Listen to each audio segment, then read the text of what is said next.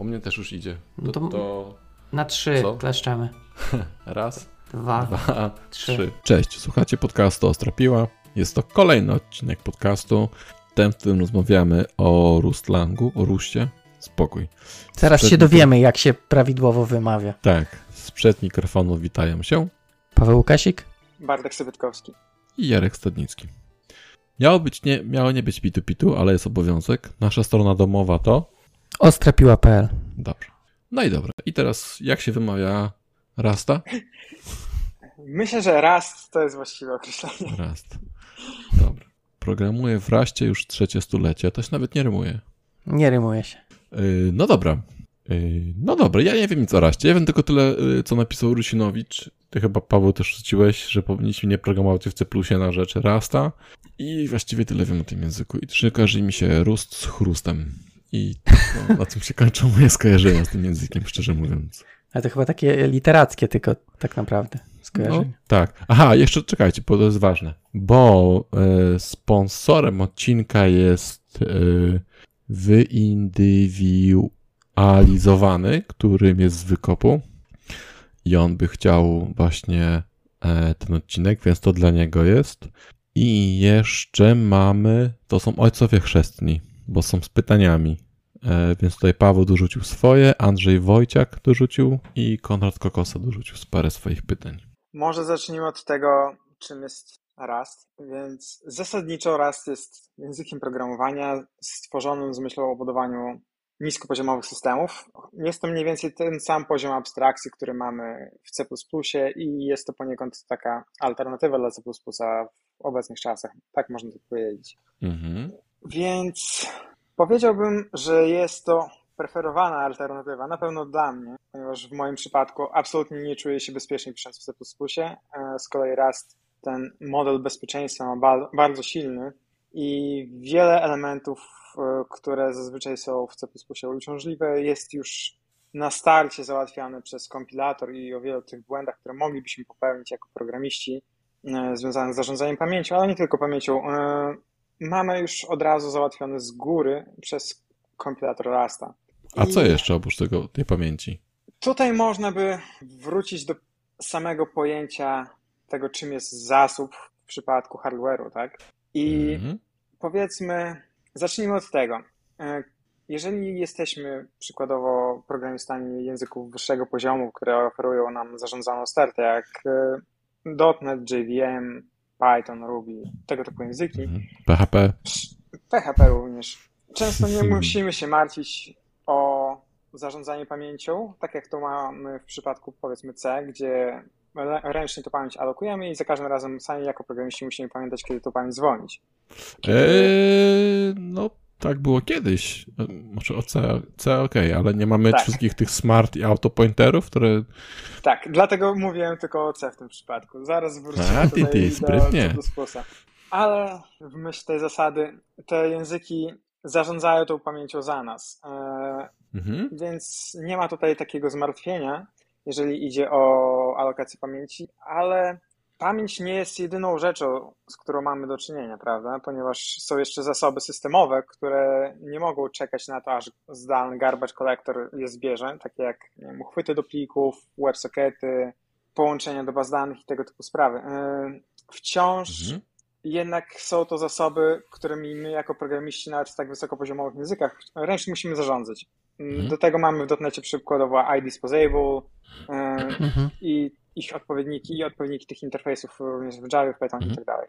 E, I i jako programiści wciąż musimy za to odpowiadać i czasami w praktyce okazuje się, że jednak doprowadza to do pewnych lików w pamięci, w pamięci. To już w tym przypadku nie jest pamięć, lików w zasobach systemowych, ale to nie jest koniec, ponieważ jak się okazuje, samo zarządzanie pamięcią e, przez garbage collector nie jest idealne i często w sytuacjach, kiedy mamy do czynienia z dużym obciążeniem, na przykład e, przy częstych alokacjach tablic bajtów na potrzeby serializacji czy zbierania informacji z pakietów sieciowych i tak dalej, Mhm. też często korzystamy z mm, różnych patternów typu pool obiektów e, czy coś typu Mhm. array pool w .NETie, tak? I znowu pobieramy jakiś obiekt z puli i znowu ręcznie musimy pamiętać o tym, żeby go do tej puli zwrócić. I znowu w tym momencie widzimy, że nawet tak zwykły za, zwykła rzecz jak obiekt i ta pamięć, którą normalnie garbage collector zarządza, w tym momencie staje się zasobem, za który my jesteśmy sami odpowiedzialni. I tutaj raz właśnie wchodzi do gry, ale nie tylko raz. W C++ mamy, tak jak sam zauważyłeś, bardzo podobny system. To się nazywa RAI, mm, Resource Allocation is Initialization, czy jakoś tak się mm -hmm. Jest, jest, tak? coś takiego.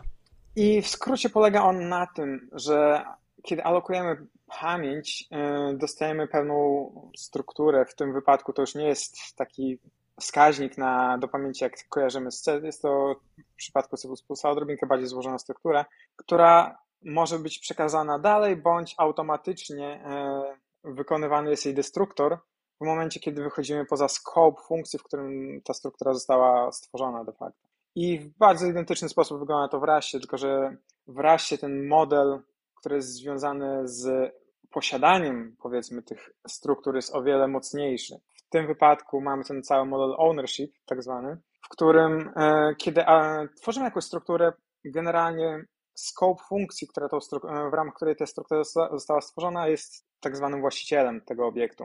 I to właściciel jest odpowiedzialny za zwolnienie tej pamięci. Teraz, kiedy zwracamy tą strukturę na przykład jako rezultat funkcji, następuje przekazanie tej własności dla funkcji, która tą funkcję z kolei wywołała, tak? E, więc możemy tę mm, własność przekazywać dalej, ale w przypadku Rasta istnieje też możliwość tymczasowego wypożyczenia referencji na przykład do danej struktury i to nie musi być struktura znajdująca się gdzieś na stelcie, to może być też standardowa struktura zinlinowana w stosie. I to, co jest myślę dość wyjątkowe w przypadku Rasta, to jest to, że Rust posiada mechanizm, który pozwala nam zapewnić, że te referencje, tymczasowe referencje do tych obiektów nigdy nie będą żyły dłużej niż sam obiekt. I za to odpowiada coś, co nazywamy w, w przypadku Rasta borrow checkerem. I cały ten koncept y, określania, jak długo żyje struktura i jak długo żyją referencje do tej struktury, jest y, określany mianem lifetimes. I jest to mechanizm dość podobny do typów generycznych, tylko tyle, że jest on wnioskowany przez sam kompilator, więc przez większość czasu nie musimy zarządzać tym e, ręcznie, pisząc w kodzie, tylko kompilator za nas e, tak jakby zlicza, jak długo te struktury żyją, jak długo referencje do nich żyją i odpowiednio kieruje nas w przypadku, kiedy powiedzmy chcielibyśmy przykładowo pobrać wskaźnik do struktury i zachować go sobie gdzieś na boku, bez zapewnienia, że ta struktura będzie żyła wystarczająco długo, żeby ten wskaźnik na nią był aktualny. W sumie to jest, można powiedzieć, tą częścią, która jest wreszcie wyjątkowa, ponieważ żaden inny popularny język tak naprawdę nie oferuje tego mechanizmu jeszcze. No ale to trzeba z palca ustawiać? Ja, ja pożyczam tobie jakiś coś przekazywać jako argument? Generalnie. To się samo się.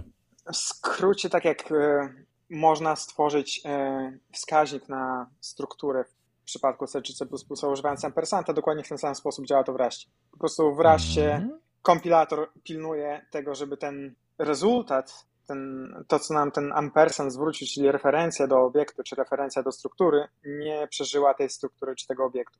Aha, czyli to działa tak, że ty sobie, że ty podpowiadasz kompletorowi, hej, potrzebuję to mieć trochę dłużej, ale i tak e, on tego pilnuje jako taki framework i jak zapomnisz gdzieś tam, to po prostu wyleci, tak? W sensie, jak mówisz, ok, koniec tak. przekazywania, pożyczania, to sprzątam. Dokładnie. W tym wypadku, jeżeli mm, twoja referencja miałaby przeżyć daną strukturę, to e, kompilator w razie zwyczajnie wyrzuci ci błąd, informując, że ta referencja żyje dłużej niż struktura, do której się odnosi. W kompilacji? Tak, pod, podczas kompilacji. Tak. To wszystko dzieje się w trakcie kompilacji. I, i, i będziesz szukał, jak y, borrow checkera y, zapewnić, żeby twój kod się skompilował. Przyznaję, jest to ten problem na początku, jak się człowiek y, uczy Rasta, już kiedy zaczyna pisać jakieś bardziej złożone programy. Tak, e, mhm. to bywa dość irytujące, kiedy dostajesz na stop powiadomienia, że ta struktura powiedzmy została stworzona w tej linijce, w tej linijce ty odnosisz się do niej przez referencję, a ona już w tym momencie może nie żyć, tak? E, I często musisz się zastanawiać, co z tym fantem zrobić. I raz ma dość spory arsenał metod w swojej bibliotece standardowej, nie tylko, które mm, tak jakby wspierają nas w całym tym procesie. Mhm. To taka trochę odwrotność domknięć w dotnecie czy w JavaScriptie, nie? On po prostu ci pociągnie ze sobą zmienną i on będzie trzymał tak długo, nawet na zawsze, a raz cię po prostu opieprzy. Powie, nie możesz. Dokładnie. Chyba, że jawnie chcesz to zrobić, no. ale jest to, przyznaję, bardzo przyjemny model e, w pewnych sytuacjach. Przykładowo, kiedy chcemy mniej podać... niespodzianek, nie? Tak, dokładnie. Przykładowo, kiedy e, dostajemy jakiś bufor e, danych, jakiś bufor bajtów Mhm. i chcielibyśmy go obsłużyć, czy to serializować, czy być może przekazać go dalej jako pole do obsługi w innej metodzie przez jakąś strukturę, tak? Mhm. W przypadku powiedzmy dotneta, kiedy dostajesz taki bufor, to tak naprawdę nie wiesz, co z nim zrobić, bo może się okazać, że ta referencja do tej tablicy bajtów, która została ci dana, zostanie zwolniona w momencie, kiedy powiedzmy skończyła się metoda, która obsługuje tą, która otrzymała tą tablicę jako parametr, tak? A może nie. Tak, może być. Do, dopóki nie przeczytasz dokumentacji, tak naprawdę nie wiesz, co się z tym dzieje. E, A w przypadku Rasta nie musisz się tak naprawdę tym przejmować. Jeżeli dostaniesz pełną strukturę, to wiesz, że ty jesteś odpowiedzialny za to, żeby ją zwolnić i to się de facto następuje automatycznie w momencie, jak po prostu nie przekażesz tej struktury dalej. A kiedy Dobra, dostaniesz do niej czekaj, referencję, czekaj. No, no dobra, no, no, no bo, bo mówisz teraz, że jak dostaniesz, to masz pewną e, własność nad tym, no ale jeśli to jest jakiś strumień danych, no to ktoś go może z innego wątku powiedzieć mu, zrobić ci psikusa i go wyczyścić, nie? i Czy, tutaj, czy, to, czy tutaj przechodzimy do kolejnego mo- motywu, który polega na tym, że te referencje mają no, E, Zarówno struktury, jak i referencje mają e, de facto dwa modele działania. Jeden to jest e, referencje typu read-only i Mhm. możesz ich mieć jednocześnie wiele naraz, mhm. lub referencje, które umożliwiają odczyt lub zapis do danej struktury i które są mutowalne. E, One są określane jako słowkiem kluczowym mute. mhm. I rzecz w tym, że możesz mieć tylko jedną referencję. wycisz, Tak, dla tych, co nie mówią po, po Rzecz w tym, że one pozwalają nam zarówno na zapis, jak i na odczyt. I tak jak mamy Okej. w przypadku e, read, write, reader, writer, lock, Mhm. referencji, które są tylko do odczytu, możemy mieć wiele w tym samym czasie, ale referencja, która umożliwia nam zapis lub odczyt e, w, danym, w daną strukturę, jest e, możliwa tylko jedna naraz. Przewidzieli moje pytania w tym języku, cholery. Że będę szukał dziur. No dobra, Myślę, że ty nie jeden takie dziury szukałeś albo się No, okej, ale- natknąłeś. zostawmy to, że pomyśleli o mnie. Chcę się czuć Może być. Może być. No dobra, czyli sprytnie, czyli możesz zamknąć tego tak. A kurczę, czy takiego freeza robić na, na obiekcie, tak? Generalnie. I jak jesteś. Mhm. No dobra, dobra. Ale, ale, znaczy, to brzmi fajnie, ale to z tego języka, który mówiłeś, że czujesz się bezpiecznie, zaczyna być takie y, urządzenie, które, no, którym dodajesz guziki. Jak chcesz, to zamknij, jak chcesz, to otwórz. I tutaj to bezpieczeństwo jest, ale robi się za jakąś cenę, tak? Że musisz wiedzieć o tym, że musisz to wyciszenie wyłączyć lub włączyć na, tym, na tej strukturze, tak? Czy na tej referencji. To wszystko jest sterowane albo w parametrach, albo w polach. Tak naprawdę, jeżeli na przykład przykładowo mamy strukturę, która sama zawiera w sobie jakieś inne struktury w polach, Mhm. to w momencie, w którym ta struktura została podana jako mutowalna, to mamy dostęp do wszystkich y, pól i możemy je również zmieniać, ale w momencie, Mhm. kiedy przykładowo już ten zakres został zamknięty i mamy, do niej, mamy ją dostępną tylko przez referencję, przez niemutowalną referencję, tylko do odczytu, no to w tym wypadku wszystkie te takie jakby zagnieżdżone struktury również są tylko dostępne do odczytu. I Rust jest bardzo restrykcyjny, jeżeli idzie o pilnowanie tego, tak naprawdę bardzo. Yy, I są de facto sytuacje, w których pewne rzeczy powinny być możliwe, ale ponieważ Rust nie jest, ten borrow checker nie jest w stanie zapewnić tego, że w 100% coś się nie wydarzy. Przykładowo, kiedy weźmy sobie pod uwagę kon- wyrażenia warunkowe, tak? If else. I przykładowo w jednym branchu potrzebujemy e, przykładowo jakiegoś pola do zapisu, w drugim nie. Mhm. W tym momencie raz jest bardzo, ten kompilator jest bardzo konserwatywny i wymaga od nas dostępu do danego pola w trybie zapis odczyt. poziomie. Nie, nieważne, czy w którym Mhm. branchu tak naprawdę się znajdziemy. No, ponieważ w, momencie kompilacji nie jesteśmy w stanie tego zapewnić, prawda? Czyli Mhm, taki, mhm. taki paranoik trochę. Musisz Tak. być jasno powiedziane, że albo tak działam, albo tak działamy, i albo cię puszczę, albo nie puszczę. Okej. A No tak, i przez to chyba właśnie, wiesz, zapewnia to bezpieczeństwo, tak? No bo Mhm. e, Tak. no, coś chciałeś? Tak, nie, ja chciałem powiedzieć, że wiesz, jak zejdziesz z, z paranoiczności, no to właśnie masz e, te Trzeba sytuacje, które nigdy się nie wydarzą, akurat się wydarzają. Na produkcji w piątek. Tak, tak. Em, dobra. A powiedz bo um, to, ten tryb możesz tego, tego muta możesz włączyć i wyłączyć, czy musisz jasno, jasno powiedzieć? To znaczy, generalnie nie da się go usunąć niejawnie. To znaczy, moż, możemy korzystać z wbudowanych struktur, to są specjalne mhm. rodzaje komórek, do, przykładowo do, do przytrzymywania e, obiektów typu generycznego, które pozwalają nam poniekąd spróbować pożyczyć referencje, z tym, że to próba pożyczenia przez wybraną metodę może się nie powieść, tak? I one poniekąd dają nam takie API, które pozwala nam reagować na takie warunkowe sytuacje, kiedy e, chcielibyśmy coś pożyczyć w trybie do odczytu i zapisu, mhm. ale w runtime okazuje się, że nie jest to zawsze możliwe i w tym momencie e, wykorzystujemy taką metodę, to się nazywa przeważnie borrow, mhm. tego typu metody.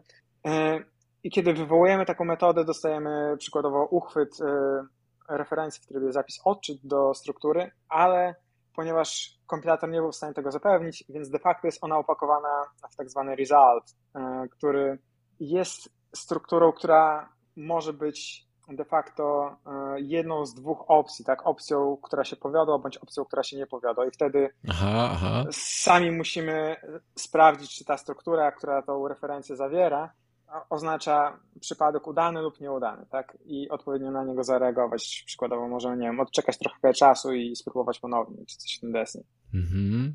I do tego mamy jeszcze również e, tak zwane klauzule typu unsafe, w których e, tak naprawdę możemy skonwertować wszystkie tego typu referencje, tak jak raz je rozumie, na coś, co się wreszcie nazywa raw pointers i te mhm. surowe wskaźniki, one są interpretowane w taki sposób, jak C to rozumie de facto i często są używane właśnie do budowania interopu e, z kodem w C. I w ramach tych e, klauzuli często właśnie my musimy zagwarantować, że to zachowanie mhm. jest zapewnione. Czyli wtedy spokojnie można wyjątki po, po pamięci rezać, tam nule pisać do nich. Okay. A raz mówi wtedy duru, duru, twoja impreza. No dobra. to brzmi fajnie, ale ta, ta cena, którą, e, o której opowiadasz, te wszystkie feature'y, to dla mnie to jest cena, którą trzeba zapłacić, nie? Trzeba wiedzieć, że masz te rezulty, że musisz coś pożyczyć i obsłużyć ten... Znaczy wiesz, te resulty to tak samo jak musisz wiedzieć, że masz taska w C-Sharpie, tak? I musisz go odpowiednio obsłużyć. To nie wiem, czy to jest akurat takie specyficzne dla Rasta. No, no result to jest taki funkcyjny, wiesz, typ IDER, tak? Że masz albo, tak, tak. albo wynik, albo, albo błąd. Dokładnie. Więc to też w C-Sharpie możesz sobie zamodelować tam we F-Sharpie i, i używać. No to w F-Sharpie, a w C-Sharpie masz po prostu masz no w C-Sharpie też, ale tak trochę, trochę gorzej, trochę gorzej. Tak, tak, tam wiem, że kiedyś, kiedyś o tym. Mi się czytałem. wydaje, że te, te akurat no. funkcje, no powiedzmy ta jawna y, niemutowalność, y, no, no, mi największy problem, no borrow checker, tak, jak sobie tam kodowałem jakieś tam, robiłem advent of code kiedyś, no to mhm. zwykle było tak, że koduję, koduję, no i no tak, że borrow checker jest unhappy i, i, i szukam jak go tam zmienić, bo to jest faktycznie, ten jeden koncept jest inny, tak? Tak jakby wszystko inne, ok, może nie jest takie samo, ale jest podobne, natomiast no, ten borrow checker to jest faktycznie coś, co dotychczas ja się nie spotykałem. Natomiast powiedziałeś, że to jest, że ten borrow checker jest y, wreszcie jako popularnym języku. Czy takie rozwiązanie jest w innych językach jak borrow checker? To znaczy są pewne featurey w innych językach, które poniekąd pokrywają częściowo to, co Rasowo Borrow Checker oferuje. Są też języki eksperymentalne, tak? Z tego co słyszałem, to Microsoft eksperymentuje z rozwinięciem Borrow Checkera o tak jakby kolejne stadia rozwoju, które zawierają okay, troszkę inne okay. koncepty na ten cały ownership, który przykładowo lepiej operuje na cyklach, ponieważ czasami to jest częsty problem w rasie, kiedy mamy cyklicznie referencje między dwoma strukturami, Borrow Checker czasami potrafi oszaleć na tym punkcie, ponieważ no, po prostu wchodzimy w cykle, tak? W tym momencie... Mhm. Zapętla się, tak? Dokładnie. W tym momencie ciężko określić, kto jest właścicielem kogo, tak? Mhm, mhm. Okej, okay, okej, okay, dobra. I co wtedy? E, cóż, w tym momencie, tak jak powiedziałem, mamy często albo się troszkę inaczej projektuje takie struktury, e, przykładowo... Robi się ultimate pimpa takiego, że ty i ty jesteś moim biczem. Przykładowo przy, y, częstym przypadkiem, w jaki, z jakim ja się stykałem, to jest to, że zapisujemy te struktury na liście i zamiast y, wskazywać je bezpośrednio, to wskazujemy je przez indeksy na tej liście. To jest jedna, no, czyli jedna z Ultimate Pimp. Taki. Dokładnie. Innym podejściem może być też y, używanie tych struktur, o których wspomniałem, które pozwalają nam w trakcie runtime'u zapytać o referencje do danej struktury. Mhm, mhm. Okej. Okay. A powiedz mi, bo powiedziałeś, że Microsoft coś tam planuje. Rust jest Microsoftowym e, wytworem? Nie. E, Rust powstał w Mozilla i z okay. tego co pamiętam, oryginalnie powstał na potrzeby ich silnika do renderowania HTML-a. A potem po prostu został podjęty dalej, ponieważ wiele, wiele firm, to dużych firm, bo ponieważ Google, Microsoft, Amazon również korzystają z Rusta na produkcji, wiele firm podjęło tą pałeczkę, ponieważ szukało po prostu tych samych rozwiązań, tak? E, zwłaszcza, mhm. że no, trzeba przyznać, że Rust to nie jest tylko ten borrow checker, tam jest też cała masa innych dobrych funkcji, który, których myślę, że bardzo wielu ludziom brakowało w przypadku C czy C++. No dobra, a w takim razie zostawmy na razie sam język jako taki, a środowiska do pracy z Rustem? No i właśnie myślę, Notatnik że... czy... Ja osobiście korzystam e, z C-Liona, to jest JetBrainsowe rozwiązanie. I mhm. C-Lion to jest generalnie narzędzie dla programistów właśnie C, C++, ale ma też wtyczkę rastową, która jest na bardzo wysokim poziomie. Z tego co mhm. słyszałem, dużo osób też korzysta z wtyczki VS Code'owej. E, w VS Code spokojnie Ja używam. E, można spokojnie w VS Code używać Rasta. Mhm. Prawdopodobnie zgaduję, że Vim czy Emacs też znajdują się na tej liście. Mhm. I normalnie debugowanie, tak? Breakpointy, czy raczej tak. wszystko konsologiem? Wszystko jest tam dostępne. Okej, okay. no taki. Dobra. Przykładowo w CLionie mhm. często mam e, testy, które są napisane na potrzeby kom kompatybilności w C i mhm. ten debugger też przeskakuje z kodów C do wywołań kodu restowego. Więc mogę przykładowo sobie wywołać e, restową metodę w C, e, wejść w debuggerze wewnątrz tej metody i debugger się przeniesie do kodu rastowego i będzie kontynuował mhm. debugowanie w raście. A właśnie, a to jest język, który się kompiluje, a nie jest transpilowany i w runtime jeszcze interpretowany, tylko normalnie natywnie do platformy, tak? Tak. E, raz kompilujemy do docelowej platformy i on do tego korzysta z LLVM-a. To jest powiedzmy coś w rodzaju backgroundowego kompilatora dla innych kompilatorów. Przykładowo Swift korzysta z tego. E, C++ mhm. kompilator Klanga też korzysta z tego samego rozwiązania i mhm. myślę, że całkiem sporo innych e, narzędzi też z tego korzysta, ponieważ LLVM jest bardzo potężnym narzędziem, jeżeli idzie o możliwości optymalizacji i pod pewnymi względami ani .NET, ani Java jeszcze nie są na tym poziomie, na jakim LLVM jest w stanie zoptymalizować kod. Okej, okay. dobra. A jeszcze zaraz coś myślę, jeszcze coś miałem w głowie. Aha, wiem. A powiedz mi, te binarki, które wychodzą, to to duży egzeki, czy to się jakoś tak fajnie binduje do, do dynamicznych? W sensie no, dynamicznie ładujemy zasoby, czy wszystko w egzeka, czy tam binarkę? Ja, czy statycznie to może linkowana? To skompilować czy... do pojedynczego egzeka, to może się skompilować do statycznej albo dynamicznej biblioteki, w zależności od tego, jak chcemy. Czyli jak elegancko. To wszystko umie ten język. Mhm. I ty w tym pracujesz. Nic tylko używać. Płacą ci za pisanie w raście? E, tak, w tej chwili obecnie pracuję w projekcie open source'owym. Jestem jednym z tych mm. szczęściarzy, którzy mogą na tym zarabiać. Mhm. I tak, e, nasz projekt jest, e, ta część, za którą ja odpowiadam, jest pisana w raście. Transpilujemy mm. to do WebAssembly, do bindingów, e, które potem są używane w C, więc tak, Mam to mhm. szczęście, że mogę w nim pracować pro profesjonalnie. Dobra. A powiedz mi, ile czasu zajęło ci przejście z poprzedniego języka na Rasta do pierwszej wypłaty w Raście? Powiedziałbym, że tak z trzy miesiące to jest, żeby w ogóle, w moim przypadku przynajmniej, poczuć się mhm. jako tako w Raście. Ale prawda jest taka, że żeby czuć się swobodnie, no... Borrow checkery tak opykać? Ja bym powiedział, że dwa lata, to wciąż czasami jednak ten borrow checker potrafi człowieka wkurzać. O oh, wow. Ale, ale myślę, że to nie jest nic wyjątkowego, ponieważ wiele języków. Szczerze mówiąc, ja myślę, że ucząc się C++ po dwóch latach wciąż nie byłbym, e, nie czułbym się swobodnie A, ucząc C++. Tak, tak. Tam, szczególnie z tymi templatkami teraz, wszystko, że z templatką od templatki tak, i generikiem. Nie. E, dobra. Dobra, ja na razie się wyprztykałem z pytań, no. To szybko. Ty już przechodzisz na Rasta? Nie, nie, nie, nie, nie. Na razie nie przechodzę na Rasta. Na razie nie. Chociaż może jak będzie Advent no Code, to sobie popykam, bo tak brzmi... No, widzisz, tak, zbliża się, to możemy razem popykać. Mhm. Ja tak jak mówię, chyba w 2019 próbowałem Rasta, Mhm. bo próbowałem sobie różnych tam języków, no i powiedzmy te, te, te prostsze zadania jeszcze dałem radę, ale jak były te takie skomplikowane, że musiałem jakąś yy, skomplikowaną strukturę wymyśleć, no to już jednak Borrow Checker mnie pokonywał. Aha, wiem, co chciałem. E, Bartek, bo mówiłeś właśnie struktury i referencje, natomiast nie użyłeś słowa k- klasa. A no tak. E, Wreszcie nie ma klas.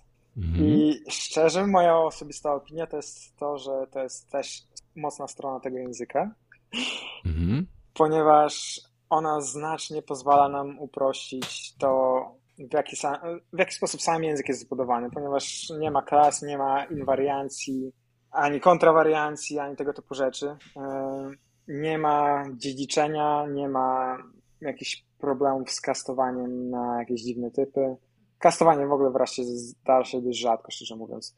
E, Tam istnieje, to jest dość fajne, jak się już odkryje ten wzorzec. E, Są tam tak zwane traity, które są odpowiednikiem interfejsów, tylko tyle, że Mhm. one są dość, e, powiedziałbym, potężniejsze w stosunku do interfejsu, ponieważ interfejs musi być zadeklarowany, użycie interfejsu musi być zadeklarowane w momencie, w którym deklarujemy strukturę, prawda? I to sprawia, E, Okej. i to sprawia, że rozszerzalność takiej struktury jest dość problematyczna, ponieważ przykładowo, powiedzmy, że chcielibyśmy, Nie, poczekaj, poczekaj, bo teraz się zgubiłem. Mam interfejs jakiś, tak? tak, I później robię strukturę. tak, I mówię, ta struktura jest zgodna z tym interfejsem. dokładnie. To co? To tak jest zawsze. Mhm. A teraz wyobraź sobie, że zbudowałeś jakiś interfejs, powiedzmy jakiś ID serializable, tak? Ponieważ Mhm. masz bibliotekę do deserializacji, chciałbyś oznaczyć struktury, które chcą, chcesz kodować jako serializowalne Tak. lub nieserializowalne, prawda? Tak. No to jakbyś zakodował inta mając taki interfejs? Albo stringa?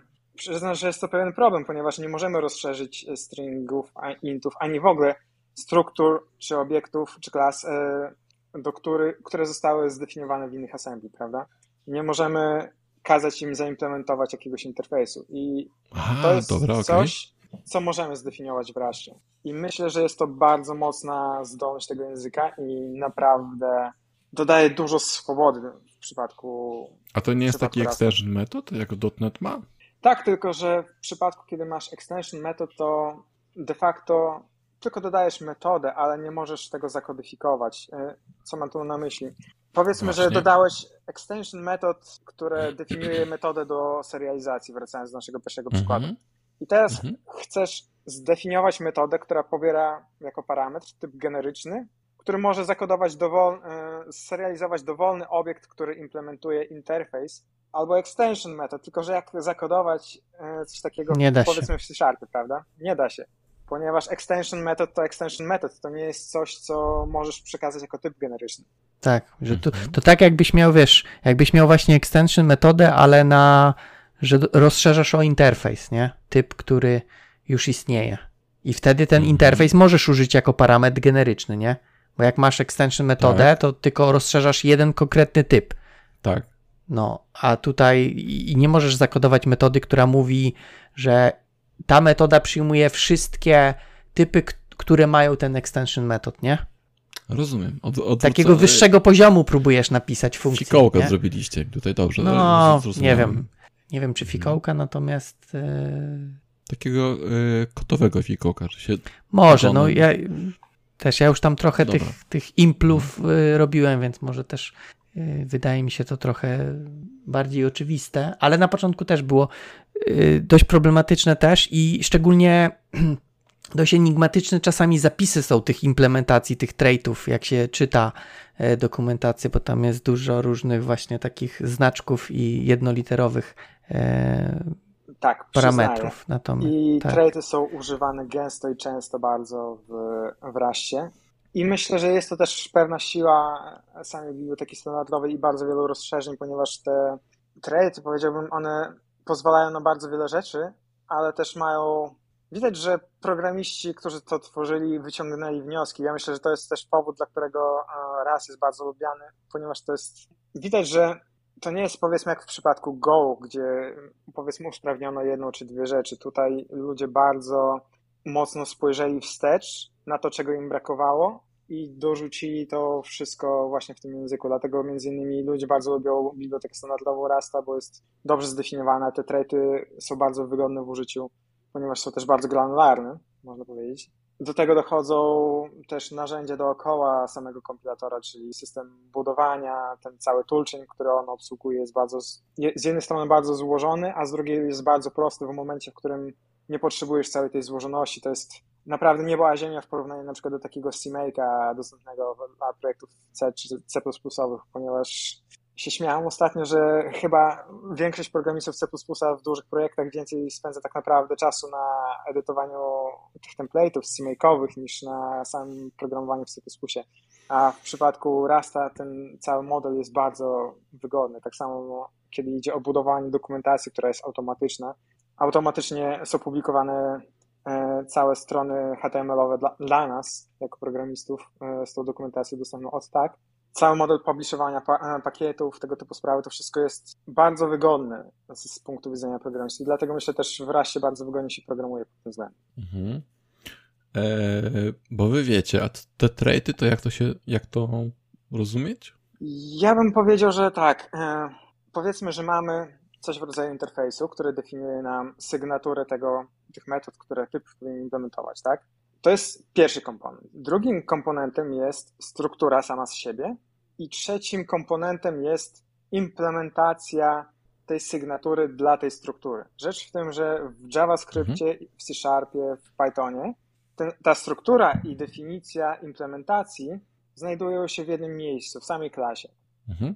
Podczas gdy w przypadku Rasta, ale nie tylko, bo Scala, Haskell też mają to samo rozwiązanie, te wszystkie trzy koncepty są rozbite na trzy różne elementy i dzięki temu właśnie mamy dostęp do tych możliwości, o których wspominaliśmy wcześniej, tak, że możemy implementować ten trade, czyli interfejs używając e, starego pojęcia, dla typów, których my nie zdefiniowaliśmy, bo zostały one zdefiniowane.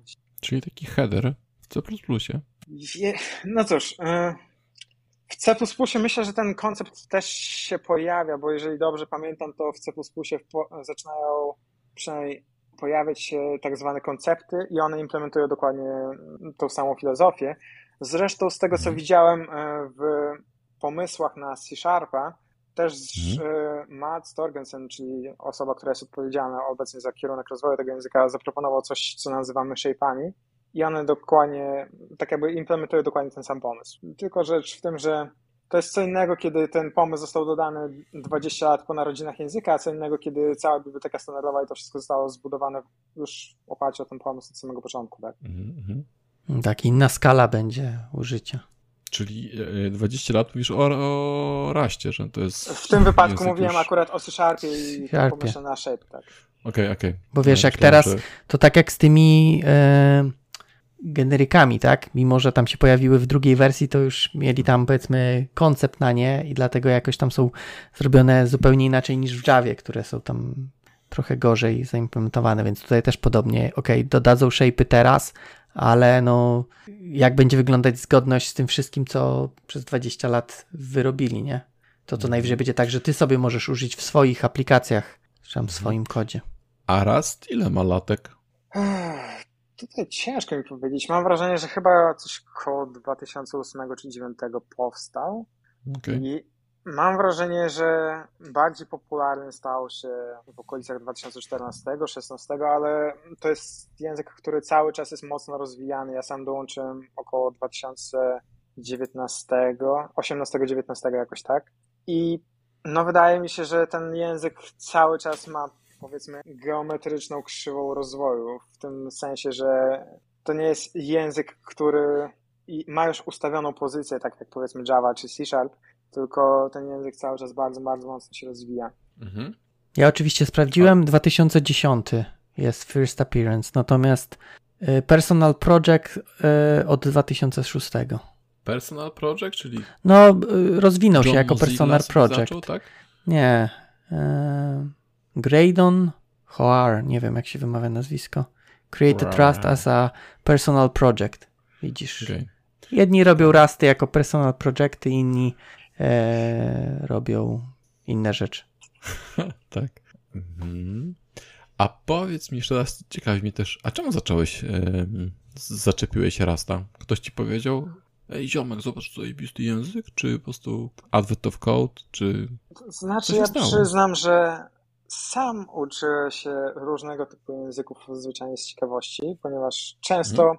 zaglądając na inne, powiedzmy, tereny, możemy tak jakby przenieść część z tych rzeczy do języków, z których korzystamy na co dzień. Czasami uczymy się mhm. czegoś totalnie nowego i myślę, że ten e, cały koncept ownershipu i tego, co Rust oferuje w, tym, w tej kwestii, jest tak naprawdę użyteczny we wszystkich językach, niezależnie od tego, czy one też mają coś w stylu borrow checkera, czy nie, ponieważ jest to po prostu wygodny model e, myślenia o zasobach, po prostu z tego względu. Ale no przyznam, że tak naprawdę dlaczego profesjonalnie się przeniosłem na Rust, to dlatego, że zwyczajnie e, jeżeli idzie o Dla pracę, hajsu? nie, jeżeli idzie o pracę i to, co chcielibyśmy w naszym zawodzie wykonywać, tak? Ja jestem bardzo mm. osobą, która jest bardzo zainteresowana systemami rozproszonymi, budowaniem systemów rozproszonych nie w sensie użyjmy, zbudujmy jakiś system bankowy, gdzie użyjemy kawki, systemów rozproszonych w takim sensie napiszmy kawkę, tak? Czy napiszmy jakąś bazę danych. Takie rzeczy były zawsze bardziej mnie pociągały. I jak się okazało, wreszcie jest o wiele więcej pracy niż e, w dotnecie, mhm. bo akurat moje podłoże jest dotnetowe. Właśnie, to było moje kolejne pytanie. Z którego języka uciekłeś? Ale rozumiem, że z dotnetowego Sharpa któregoś. Tak, zaczynałem w C-Sharpie. Z czasem przeniosłem się na F-Sharpa, ponieważ był zwyczajnie wygodniejszym językiem dla mnie i stamtąd przeniosłem się dalej do Rasta de facto. Mhm. Czyli Rust, e, bo to też chciałem pytać, on jest obiektowy czasami, tak? Masz te struktury, ale też e, funkcyjny, jak skoro masz te resulty, musisz ja bym powiedział, że w dzisiejszych czasach e, mhm. to pojęcie obiektowości i funkcyjności jest trochę przestarzałe, ponieważ większość języków zorientowanych obiektowo de facto posiada już jakieś featurey języków funkcyjnych. Mhm. De facto ja bym powiedział, że języki obiektowe polegają na tym, że nasz kod organizujemy i strukturyzujemy w ramach obiektów. W językach funkcyjnych organizujemy działanie kodu w ramach funkcji. Na tym bym się oparł. Cała reszta to jest tak naprawdę nakładka, która sprzyja powiedzmy używaniu funkcji, a nie obiektów, mhm. tak jak niemutowalność w językach funkcyjnych. Ludzie uważają, że to jest must have. Ja uważam, że to po prostu jest coś, co jest pomocne w przypadku, kiedy komponujemy programy przez kompozycję funkcji, a nie obiektów. Tyle. Mhm, I mhm. Rust ma pewne feature'y języków funkcyjnych, nie ma pewnych język, e, feature'ów języków obiektowych, tak jak wspomnieliśmy, e, dziedziczenie klas i tego typu rzeczy. Mhm. Aczkolwiek nie uważam tego za potrzebne i mam wrażenie, że coraz więcej języków, które są nowe, też odchodzą od konceptu dziedziczenia klas. Przykładowo Go też jest takim językiem. I mhm. Rust może być traktowany jak język funkcyjny. To znaczy, są tam pewne cechy języków funkcyjnych i możemy poniekąd to robić, ale jest to niewygodne moim zdaniem, ponieważ Rust, w Rustie te funkcje e, nie są tak wygodne jak w użyciu, jak przykładowo ma to miejsce w C-Sharpie czy we Sharpie, z tego względu, że ten borrow checker jest bardzo silny i przykładowo, kiedy używamy tych closures, czyli tych anonimowych funkcji, które wpisujemy w, jako, często jako parametry do czegoś innego i chcemy przykładowo używać w ramach e, ciał tych funkcji, referencji z zewnątrz, spoza, e, z tak jakby z tych skopów zewnętrznych, w których e, te kolory są zdefiniowane, no w tym wypadku jest to dość upierdliwe właśnie ze względu na boru checkera. I wymaga to odrobinkę więcej e, pomyślunku, powiedziałbym, wreszcie i nie jest to tak wygodne, przez co jeżeli coś nie jest w języku wygodne, to programiści nie będą skłonni tego używać, prawda? Mhm. Więc ta ergonomia języków funkcyjnych e, nie jest e, moim zdaniem tak odpowiednia w raście i wcale bym się tym nie przejmował. Po prostu programował w taki sposób, w jaki język nas do tego zachęca, w jaki ergonomia języka nas do tego zachęca. Mhm, Okej. Okay. Czyli raz jest rastem. Tak jak korn nie jest ani metalem, ani niczym, tylko korn po prostu jest kornem, Tak samo raz jest rastem. Jak chcesz, to może być funkcyjny albo obiektowy. W którą stronę się bardziej przychylisz. Okej. Okay. Właśnie wziąłem sobie jakiś tutaj e, rast example i patrzę na ten kod. I, I rozumiesz. Nie lubię, e, powiedzmy, że rozumiem, chociaż część rzeczy jest dla mnie taka właśnie te skróty. Ja nie lubię skrótów, jestem ostatnio przeciwnikiem skrótów. A tutaj widzę, pojechali wszystko pup, fn.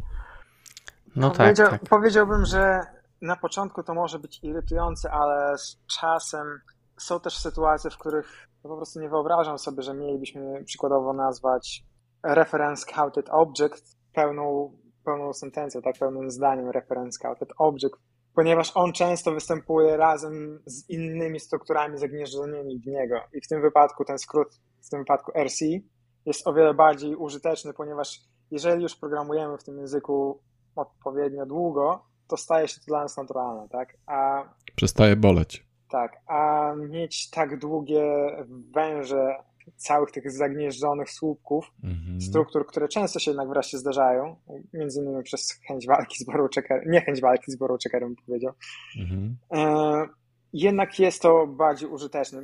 Akurat użyłem tutaj e, RCI jako przykładu, ponieważ tak jak mamy te szerowalne e, pointery w, w C++, mhm. to ten szerowalny pointer w C++ jest dość prosty w użyciu, ponieważ C++ nie ma tych ograniczeń w kwestiach referencji tymczasowych, ani nie ma ograniczeń w kwestiach mutowalności. Wreszcie, jeżeli chcesz mieć e, strukturę, która może mieć, jest alokowana na stercie i chcesz mieć wiele referencji do niej, to siłą rzeczy musisz mieć ten model e, borrowingu w trybie mhm. runtime dostępny, a to oznacza, że nasz obiekt musi być raz zaalokowany na stercie z dostępnością do wielu wskaźników, co oznacza, że musimy go zaalokować w ramach tego tak zwanego RC. A druga sprawa, że żeby móc go modyfikować w trakcie, kiedy mamy inne referencje do niego, musimy go móc mhm. modyfikować w trybie runtime, co oznacza, że znowu musimy go za, zapakować w kolejną komórkę, która wreszcie nazywa się przykładowo RefCell. Mhm. Pamiętam, jak przechodziłem z C na .NET, to wszystko tam były, e, trzeba pisać, że coś jest public, static i tak dalej, a e, w C domyślnie było prywatne i to było domyślne i mnie to strasznie wkurzało w .NETie, że trzeba być takim explicit do wszystkiego, co polubiłem. A teraz e, to, co mówisz, to raz to bezpieczeństwo ma też taki explicit. To będzie szerowalne, mówię ci kompilatorze i wiem, co robię. I to tak. chyba też taka jest... I Aj, no. przepraszam, kontynuuj. Nie, nie, no właśnie tak, no, tak, tak, tak.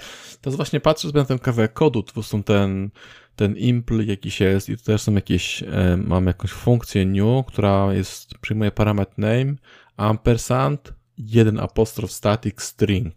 To coś pewnie znaczy e, i pewnie oznacza wszystkie możliwe wariacje, które można wykonać. Podejrzewam, że to jest takie trochę Trochę mi się to kojarzy z drugiej strony, e, mała dygresja, jak nagrywaliśmy z Konradem o AI-u i o tym, że komputery kiedyś, nam zastąpią, to to jest chyba takie powiedzenie, hej komputerze, chcę, żeby to była funkcja, która była szerowalne wskaźniki, była na stos i przy okazji pilnuj alokacji pamięci i to będzie tekst e, i nie żaden int, nie? Te wszystkie takie rzeczy tak. dookoła i później jak już opowiesz o co ci chodzi, to ten komputer powie, ok, to będę tego pilnować.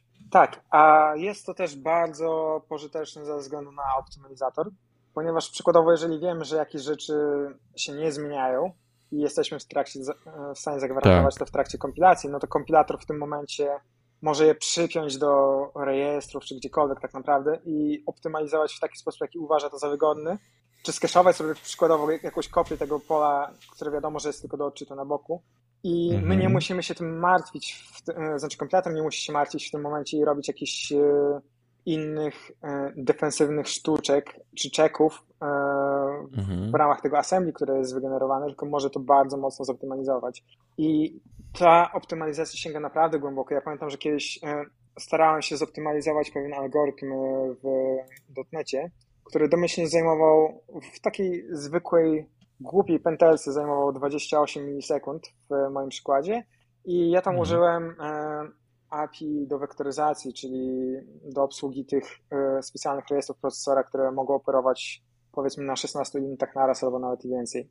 I przyznam, że zwektoryzowanie tego pomysłu na algorytm zajęło mi parę godzin, ale ostatecznie udało się, zoptymalizowałem to z 28 milisekund zszedłem na 5, co było świetnym wynikiem I potem stwierdziłem, że dobrze, udało się to w dotnecie, ale docelowo chciałbym mieć ten kod napisany w raście, więc zacząłem optymalizować go. Znowu doszedłem do 5 milisekund, a potem z ciekawości sprawdziłem, jak wygląda ta wersja naiwna i okazało się, że kompilator Rasta tak ją zoptymalizował, że też była wykonywana w 5 milisekund. De facto to ten algorytm, który ja w głowie starałem się zwektoryzować Przenieść. przez te kilka mhm. godzin, został zrobiony automatycznie za mnie.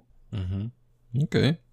Tak jeszcze mi się przypomniało, że yy, ta mnogość stringów to też chyba taka cecha, która yy, wyróżnia Rasta, bo yy, tam string stringowi nierówny, nie? Oj tak. tak.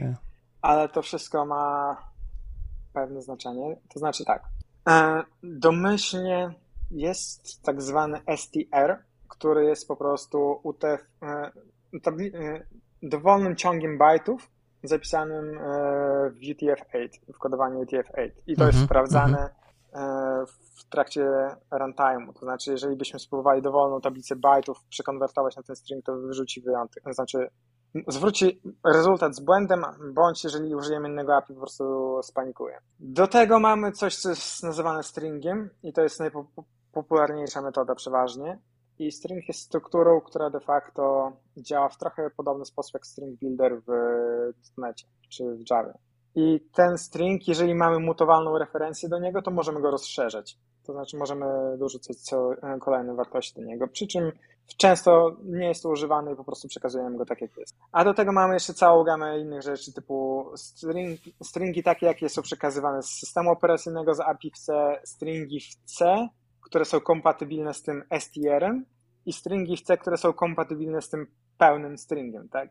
Więc no i myślę, że znalazłoby się jeszcze dużo, dużo innych, ponieważ są też crate'y, e, czyli pakiety, które możemy sobie ściągnąć w przypadku, kiedy na przykład byśmy chcieli operować na stringach w systemie UTF-16, czyli tak samo jak robi to Java, Python czy C Sharp, tak? Czy Python tak, tak robi? To nie jestem pewien, ale C Sharp i Java na pewno i tak, tak. JavaScript tak też działają tym trybie UTF-16 i też możemy operować na takich stringach, jeżeli chcemy, przykładowo na potrzeby właśnie kompatybilności z tymi językami. E, jak zaczęliśmy na, nagrywać ten odcinek, to chciałem pytać, czy e, w Raście jest tak jak w C++, że trzeba własne stringi definiować, ale właśnie powiedziałeś, że jest ich nadmiar. Nie powiedziałbym, że nadmiar. Tak naprawdę w większości sytuacji korzystamy tylko z kilku, głównie ze stringa i mhm. STR-a, ale no ze względów tych chorobliwego bezpieczeństwa, bym powiedział, mhm. ze stringami w C są używane także inne, ponieważ e, przykładowo ten C-string to jest string, który jest rozumiany tak jak string w C, to znaczy jest zakończony e, tym null terminated mhm. charakterem, tak? Podczas gdy rastowe stringi to po prostu jest e, długość stringu, a potem mamy e, de facto już tą, ten wskaźnik na hmm. ciągłą tak pas, Po paskalowemu. Dokładnie. Hmm. Okej. Okay.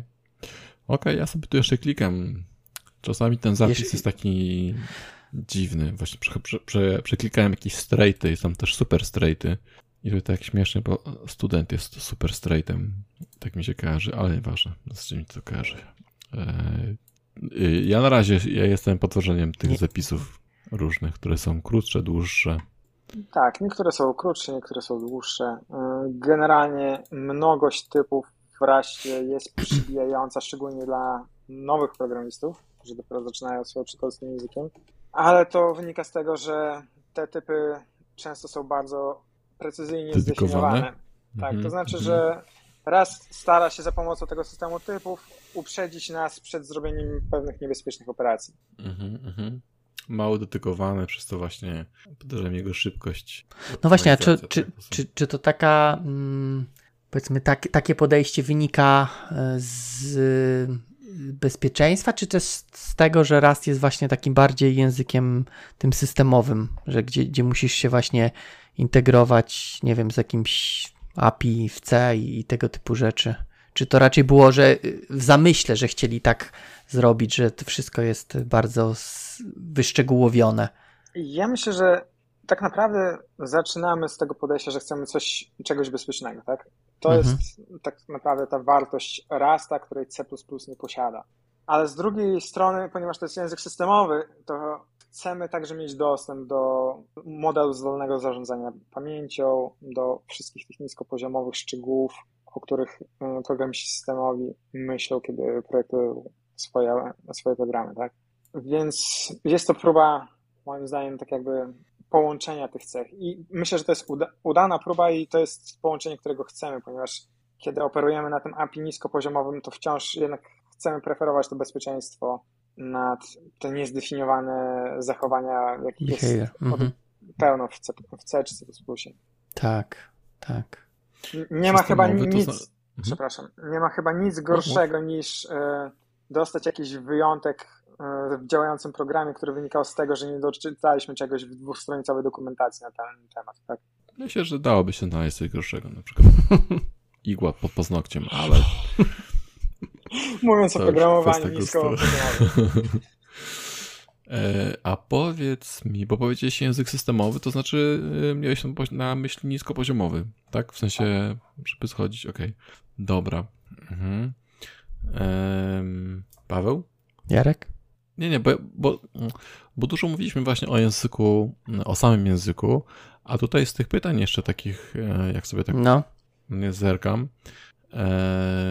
to Andrzej Wojciak lub Wójcik pyta o zastosowanie resta w webdevie, ukośnik, czy klepanie e, krudów na poziomie produkcyjnym w raście, nie? Czy to też ma sens? To trochę jak w C, C do krudów czy webówki. To znaczy raz jest zdecydowanie wygodniejszy do opisania tego typu rzeczy, aczkolwiek osobiście nie używam go tam, ponieważ ze względu chociażby na tego Borrow Checkera. Borrow Checker dorzuca do, dla nas wiele rzeczy, o których on nam przypomina, ale my wciąż musimy je, je rozwiązywać. A mhm. często jako programiści, czy to webowi, czy powiedzmy backendowi, tak, e, nie chcemy myśleć o tego rodzaju problemach. Jesteśmy w stanie poradzić sobie całkiem dobrze na tak. bardzo długim dystansie, bez konieczności ręcznego zarządzania pamięcią, czy czegokolwiek innego tak naprawdę.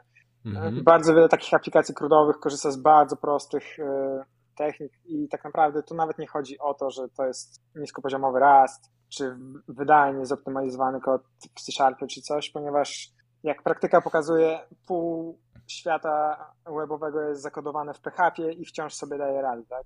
Mhm. mhm. Więc myślę, że o ile jest to możliwe, o ile wiem, że takie firmy istnieją, o tyle ja sam nie widzę potrzeby po prostu wpychania rasta w każdą możliwą dziurę. Ale też jest opcja, nie? Do, y, do, do Łazma, nie? Rasta można. E... Tak. I do myślę, czego? Do WebAssembly. WebAssembly. Aha, aha. I to jest Wasabi. chyba z bardziej popularnych e, targetów, powiedziałbym, jeżeli idzie o WebAssembly, ponieważ no, Rust mhm. z natury nie posiada runtime'u, więc cały ten kod, który zazwyczaj kompilator musi dorzucić, żeby zaimplementować runtime WebAssembly po prostu nie istnieje w raście, przez co te binarki restowe WebAssembly są bardzo chude w stosunku do innych języków. Mhm. mhm. Okej.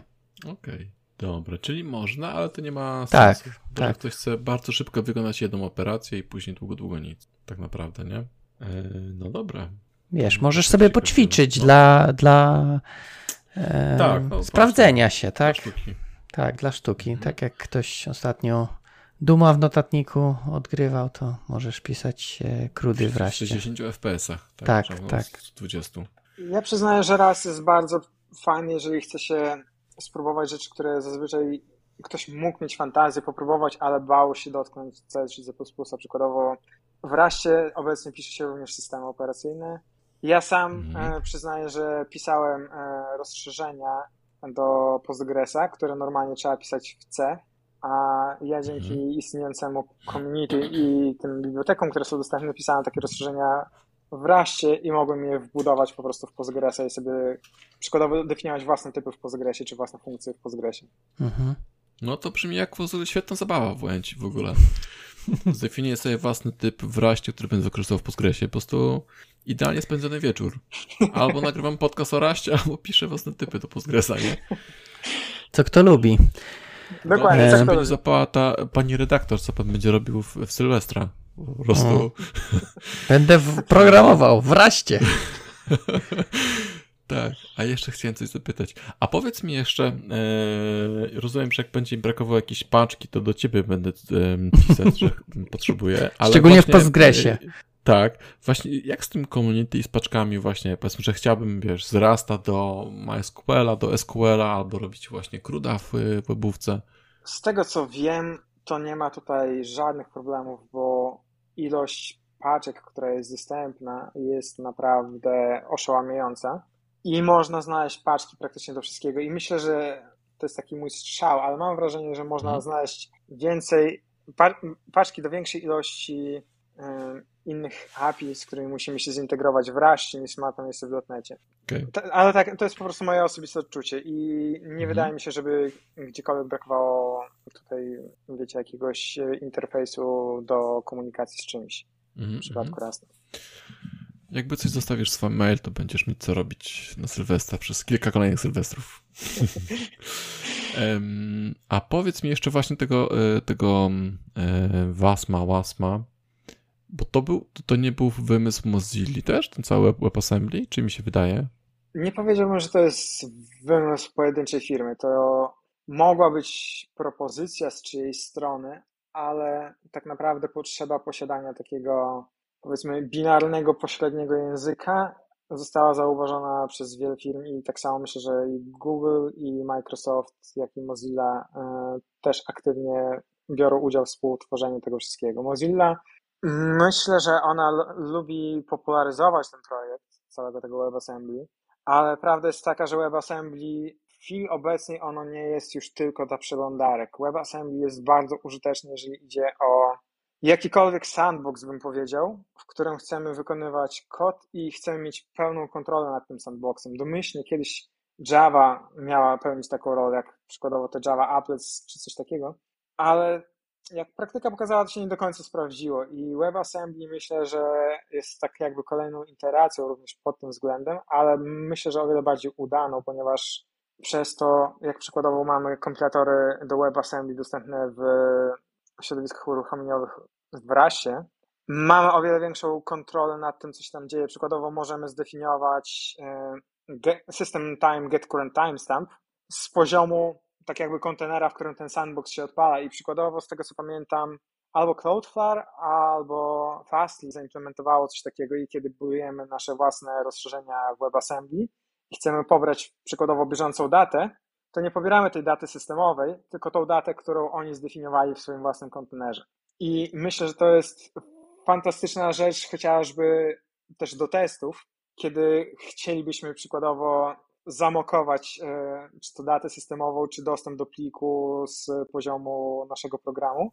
Bez takiej okay. ingerencji, kiedy możemy po prostu ten mock napisać w tym kontenerze, w którym nasz kod skompilowany do WebAssembly będzie wykonywany. Mm, dobra, to jest takim spoko supermoc.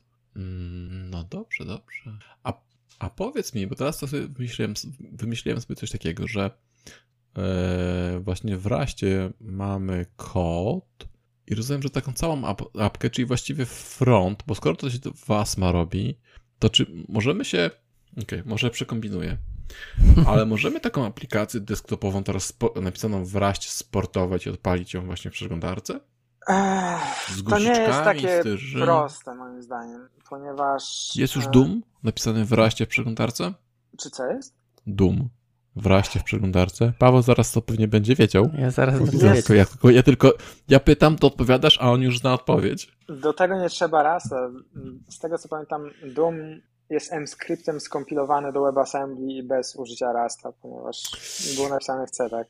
Więc mhm. nie, nie, ma takiego problemu, ale Doom jest na wszystkim, więc nie jest żaden problem akurat. Jest Rust a, Doom.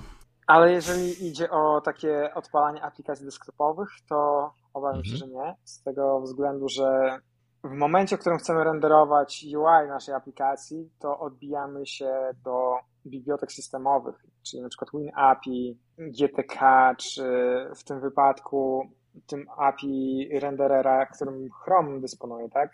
I, mhm. i w przypadku Chroma akurat to zawsze jest z tego, co kojarzę, ukryte albo za za HTML-em, albo z tego co widziałem, były jakieś podejścia, żeby sobie takie API samemu zbudować i po prostu stworzyć jeden wielki canvas, który działa jak strona internetowa, ale tak naprawdę jest tam własny silnik renderujący wszystko na tym kanwasie. Mhm. Ale de facto, no, siłą rzeczy ten kod, który my chcemy w tym razie zrobić, nie będzie przenoszalny z tego właśnie względu, że mamy różne interfejsy do renderowania tego. Może ktoś Mhm. kiedyś stworzy jakąś zaślepkę, która będzie ukrywała różnice między tymi interfejsami, ale z tego co pamiętam, to wielu próbowała, jeszcze chyba nikomu nie udało tak po prostu. Wiem, że są podejścia Tak, typu. trzeba było rekompilować, nie? Tak, wiem, że są podejścia typu ludzi, którzy e, z, zaimplementowali Flasha czy Silverlighta e, w WebAssembly. I- Paweł, ulubione Tak, technologie, no. moi ulubione. Więc z myślą o tym, żeby Silverlight, tego tak. aplikację można było odpalać właśnie, Mhm. Właśnie tam. Mhm. Czy wiesz, tak jak sobie dobrze zamodelujesz i zrobisz całą logikę aplikacji jako lipkę, to potem tylko front, wiesz, czy HTML, czy desktop No właśnie, i właśnie. tylko odpalasz e, funkcję, nie? To, wiesz, dobrze zamodelowanie to potem dużo upraszcza. No tak, dobrze napisany program dużo upraszcza. Tak, tak. E, a jeszcze właśnie z tą przenoszalnością. Rozumiem, że jak mam jakiś taki kod, czy pewnie tak, ale wolę zapytać, to rozumiem, że tylko zrobię sobie ta- target tam output Linux, output ARM, output, nie wiem, e, tam, e, Boże, na czym ten Darwin. był uruchomiony? Tak. Notatnik. Był, e, nie, jeszcze test ciążowy i to przejdzie, rozumiem, tak? To to był fake chyba z tym testem. Myślę, że da się coś takiego wykonać, ale to, to jest domysł. E, To jest możliwe i o ile możemy sobie kompilować to pod dowolną platformę, o tyle istnieje też ten, powiedzmy, tryb specjalny w ponieważ raz został zdefiniowany również z czymś takim, co nazywa się No STD. To znaczy możemy robić programy, które nie mają dostępu do biblioteki standardowej i oczywiście nie mamy te, wtedy dostępu do wszystkich funkcji, ale możemy pisać programy, które nie są powiedzmy na platformę jako system operacyjny, ale na platformę jako hardware, tak? Możemy pisać sterowniki, czy nasze własne systemy operacyjne, czy budować program pod jakąś wybraną architekturę, jeżeli chcemy. Mhm. Na Raspberry Pi czy inne. Jest parę tych e, Raspberry kursów Pi. e, Rust OS. e, Chyba nawet, nawet w newsletterze wysyłają. Z tego co pamiętam, jest taka firma Briana Cantrilla, która nazywa się Oxide i oni tworzą serwery sieciowe, które są de facto uży, używa ich własnego systemu operacyjnego, który nie jest systemem operacyjnym typu Linux czy Windows, tylko to jest Mhm. system operacyjny typowo pod zarządzanie taskami w serwerowniach, chmurach, tam gdzie nie mamy dostępu do większości rzeczy, Mhm. które aplikacje sklepowe mają i jest zbudowany z myślą o tym. I tam raz działa dosłownie na surowym metalu tak naprawdę. Mhm. Okej. A minusy Rasta? Bo tutaj póki co, wiesz... co- Borrow checker. tak, Super, chodźcie, chodźcie. Właśnie. Przede wszystkim to, że no, to jest język, który został, nie został stworzony z myślą o tym, żeby łatwo się go używało, tylko żeby on był bezpieczny, tak? A więc cały borrow checker, A, no. Cały ten borrow checker e, potrafi być wkurzający, to trzeba przyznać. E, do tego Mhm. Biblioteka standardowa jest olbrzymia. Nie ma ona wszystkiego, ale tu nie o to chodzi, bo to możemy sobie po prostu doładować paczkami yy, pobranymi z sieci, ale ona jest duża i też umiejętność odkrycia tego, że mam jakiś problem i faktycznie istnieją trzy potencjalne sposoby na rozwiązanie tego, z czego często tylko jeden jest prawidłowy, no to też trzeba po prostu troszkę posiedzieć, spędzić te 10 tysięcy godzin, żeby wyrobić sobie intuicję, która jest potrzebna do nawigowania w tym wszystkim, tak? Mhm. Więc powiedziałbym, że raz jest językiem bezpiecznym do użycia, ale nie łatwym do użycia. Więc to są te, Mhm. powiedzmy, ten trade-off. Jak powiedziałbym, że Go jest e, poniekąd odwrotnością tego, bo w Go nauka samego Go jako języka można się go nauczyć w weekend de facto. Ale potem, kiedy zaczynamy już budować prawdziwe programy, no to nagle się okazuje, że tam coś się nam wywala paniką w runtime, tak? E, Podczas Mhm. jakiegoś testu, nie wiem, próbowaliśmy odbić się do czegoś, do czego nie powinniśmy, użyć czegoś, czego nie powinniśmy i to wszystko odkrywamy, powiedzmy, w trakcie, w długim przedziale czasu, podczas gdy w to wszystko dostajemy od razu w trakcie kompilacji. Poza tym raz Okej. też wymaga od nas e, często dosł- e, odpowiedzenia sobie na potencjalnie problemy, które mogą się nie zdarzyć nigdy, ale nie jesteśmy w stanie zagwarantować, że one się nie zdarzą. Jak z tego co Mhm. pamiętam, tu dobrym przykładem było odniesienie się do jakiejś konfiguracji w ścieżkach w systemie operacyjnym i problem polegał na tym, że był zwracany rezultat z error codem, który w zasadzie w żadnym innym języku nie występuje. A opierał się on o to, że Rust z definicji mógł korzystać z systemu operacyjnego, w którym e, w ogóle ścieżki do plików nie istnieją. I Mhm. w 99,99% procentach przypadków, tak, to nie jest problem, ale w tym jednym ułamku promilu dla niektórych programistów to mógł być problem i w związku z tym zostaje nam zwrócony rezultat, który musimy obsłużyć, który prawdopodobnie nigdy nie skończy się błędem, ale musimy go wciąż obsłużyć, tak. Mhm. Jako dupa jeden, rozumiem, e, taki napis na konsoli. W tym No i przypadku masz babo placek. to jest bardzo powszechne akurat w Raście jest coś takiego e, w tym typie result, który jest zdefiniowany Mhm. w bibliotece standardowej z metodą, która nazywa się unwrap, która w przypadku e, errorów po prostu wykonuje panikę i wywala nam po prostu kod błędu wraz ze ścieżką do pliku, za- sorry, nie ze ścieżką do pliku, tylko ze ścieżką jak w Stacktrace, który mamy w przypadku Mhm, mhm. C Sharpa czy Java. I to też jest miłe, ponieważ e, nie zawsze można się było czegoś takiego spodziewać. Tutaj to mamy, mamy konkretnie podaną linijkę w kodzie, w kodzie. mamy bardzo też dobre e, informacje o błędach przeważnie. I to samo tyczy się kompilatora, to jest też bardzo miłe. Kiedy występują błędy w kompilatorze, one są takie bardzo w stronę użytkownika, to nie jest C++, który nam wywala template Dwie strony. i dwie strony template'u i mówi, że gdzieś tam jest błąd, Mhm. który nam nic nie mówi, bo on tak naprawdę nie jest w ogóle związany z tym, co my źle zrobiliśmy. W przypadku Mhm. raz to właśnie te informacje zwrotne o błędach są bardzo, bardzo czytelne. Okej, dobra. Będziesz używać. E, Myślę, że ten w tym roku Advent e, upłynie chyba z Rastem, coś czuję. Dobrze, no Tak. to, to, to ja też wezmę Rasta ponownie. Może mi się uda skończyć w tym roku. Ja przyznaję też, że są pewne rzeczy, których w Raście brakuje. I to nie jest tak, że ten język, e, powiedzmy, jest ostatecznym stadium ewolucji języku programowania, tak? Tam No właśnie, nie może brakuje- tu mamy pytanie o przyszłość. To co, I co tam w Od przysz- Pawła. Tak, ode mnie. Z tego, co widziałem w tych propozycjach odnośnie zmian, nie ma tam wielkich, e, dramatycznych innowacji, tak? Nie ma tam czegoś, co totalnie by zmieniło strukturę tego języka, jak przykładowo async await, który został dodany po czasie. I na szczęście na tyle wcześnie, że całe community zdążyło podjąć ten trud e, dość wcześnie, żeby na tego async awaita się przepiąć Mhm. ale większość tych zmian to są takie drobne rzeczy, które usprawniają życie, których brakowało i sam język wydaje się już tak dość stabilny, bym powiedział, jeżeli idzie o te feature, które będą nadchodzić w kolejnych latach. Okej. Czy bez rewolucji? E, Tak mi się wydaje i sądzę, Okej. że jest to akurat dobra droga, bo przykładowo C Sharp teraz dorzuca całą masę cukru składniowego i ja, ja czasami teraz wracając, czytając kod, e, współczesny kod C Sharpa po latach, e, po prostu łapię się za głowę, co się tam dzieje. No trochę jest tak, Mhm. faktycznie. Ostatnio więcej. Ale nikt nie zmusza. Tak, w sumie to nie jest tak, że trzeba używać, sposób. ale Do, do pisania, nie? Ale do czytania to już no jest. już tak. Tak. E, A tutaj jeszcze Konrad pisze, pisze e, że w świecie blockchaina jest bardzo popularny. Pisałeś coś, coś właśnie z... Nie, nie siedziałem w blockchainie, ale Mhm. jestem w stanie to zrozumieć, ponieważ no, blockchain to też są systemy rozproszone i też No i żeby szybko, nie? Generalnie tak. L- Ludzie starają się optymalizować, e, powiedzmy, to, ten, te elementy, e, powiedzmy, całego stosu, tak?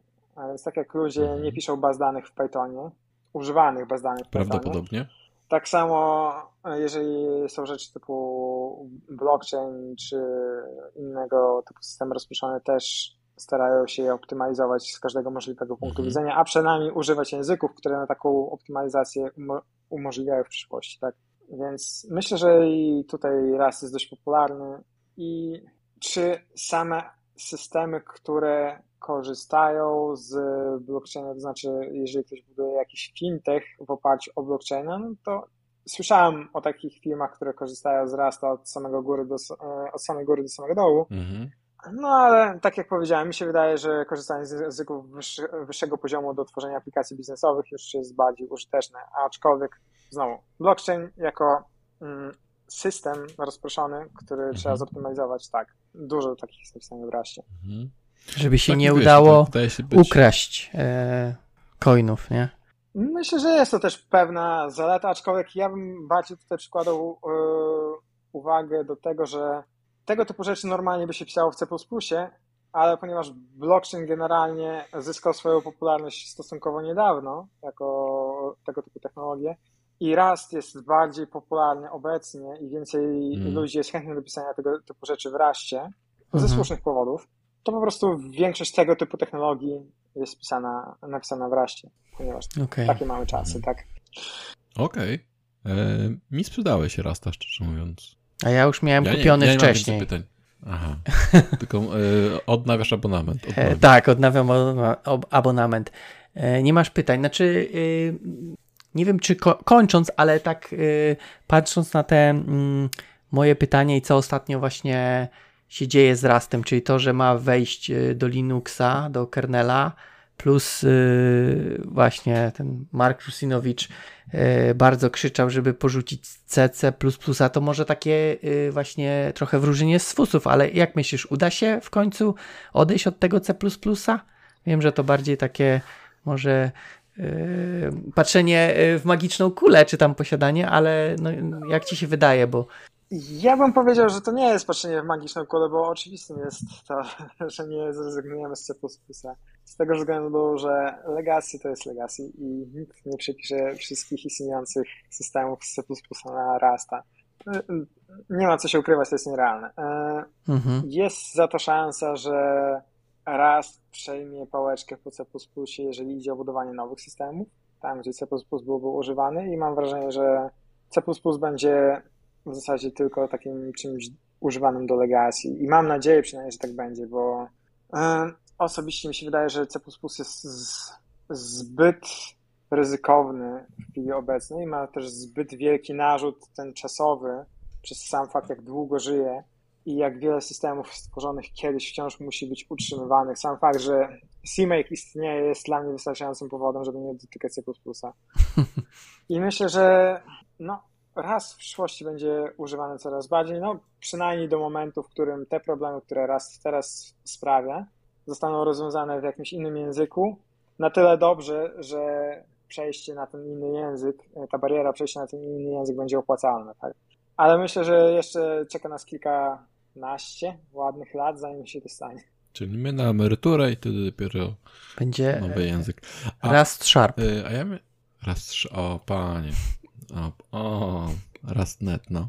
Yy, a co znaczy, że ma wejść do kernela? To znaczy, że raz wejdzie do kernela. Co, co przez to rozumiesz? To znaczy, że samo jądro Linuxa jest napisane w C, potencjalnie C++, tak? Mhm. I oni mają bardzo konserwatywne podejście, jeżeli idzie o wrzucanie nowych rzeczy tam. I raz przez długi czas był w takim trybie inkubacji, ponieważ on generalnie ma wszystko to, czego Linux mógłby chcieć od swojego języka programowania, tak? Cały ten model mhm. bezpieczeństwa. Ale z drugiej strony było kilka, powiedzmy, kwestii wątpliwych, jak z tego co pamiętam, dobrym przykładem jest e, alokowanie obiektów, tak? E, jeżeli robimy to w C przez maloka, no to. Proszę, wspomnienia, no. Dokładnie. No to malok zakłada, że istnieje ryzyko, że pamięci może nie być, tak? I zwróci nam w tym wypadku nula. Mhm. Podczas gdy w rasie większość alokacji nowych obiektów, domyślnie, większość tego API domyślnie zakłada, że ta pamięć będzie i jeżeli jej nie ma, to po prostu nam spanikuje. I to był pewnego rodzaju mhm. tak jakby, jakby ściana, która... No breaking change, nie? to, to nie jest breaking change, to jest coś, czego nie może być w Linuxie. Jeżeli chcemy używać tego języka w kernelu, no to nie możemy sobie na coś takiego pozwolić. Możemy źle obsłużyć e, zwróconą pamięć, ale tak po prostu panikować z wnętrza funkcji, dlatego że nasz malok e, mhm. nie, nie mógł zaalokować pamięci, no to to jest nie do pomyślenia w przypadku kernela. Ale tego typu rzeczy to nie są problemy, których nie da się rozwiązać, to po prostu są pewne braki w API, które zostały zauważone i z tego co pamiętam też one są rozwiązywane, tak? Mhm. Czyli to, że wejdzie do, do kernela, to znaczy, że dopuszczamy kod napisany w raście, który będzie częścią kernela. Tak. Okej. Okay. Mhm, mhm. Dobra. Czy wiesz, driver na przykład jakiś tam chyba będziesz mógł mhm. mieć napisany. I Linus cię nie skrzyczy, e, jak zobaczy twój kod. Jeśli zrozumie mój kod w, w No, w sumie, no, może się będzie musiał nauczyć, a może umie. Mhm. Może umie, no dobra. No dobra. To co, to widzisz, grudzień masz już zapełniony na, tak, e, tak. na Rasta.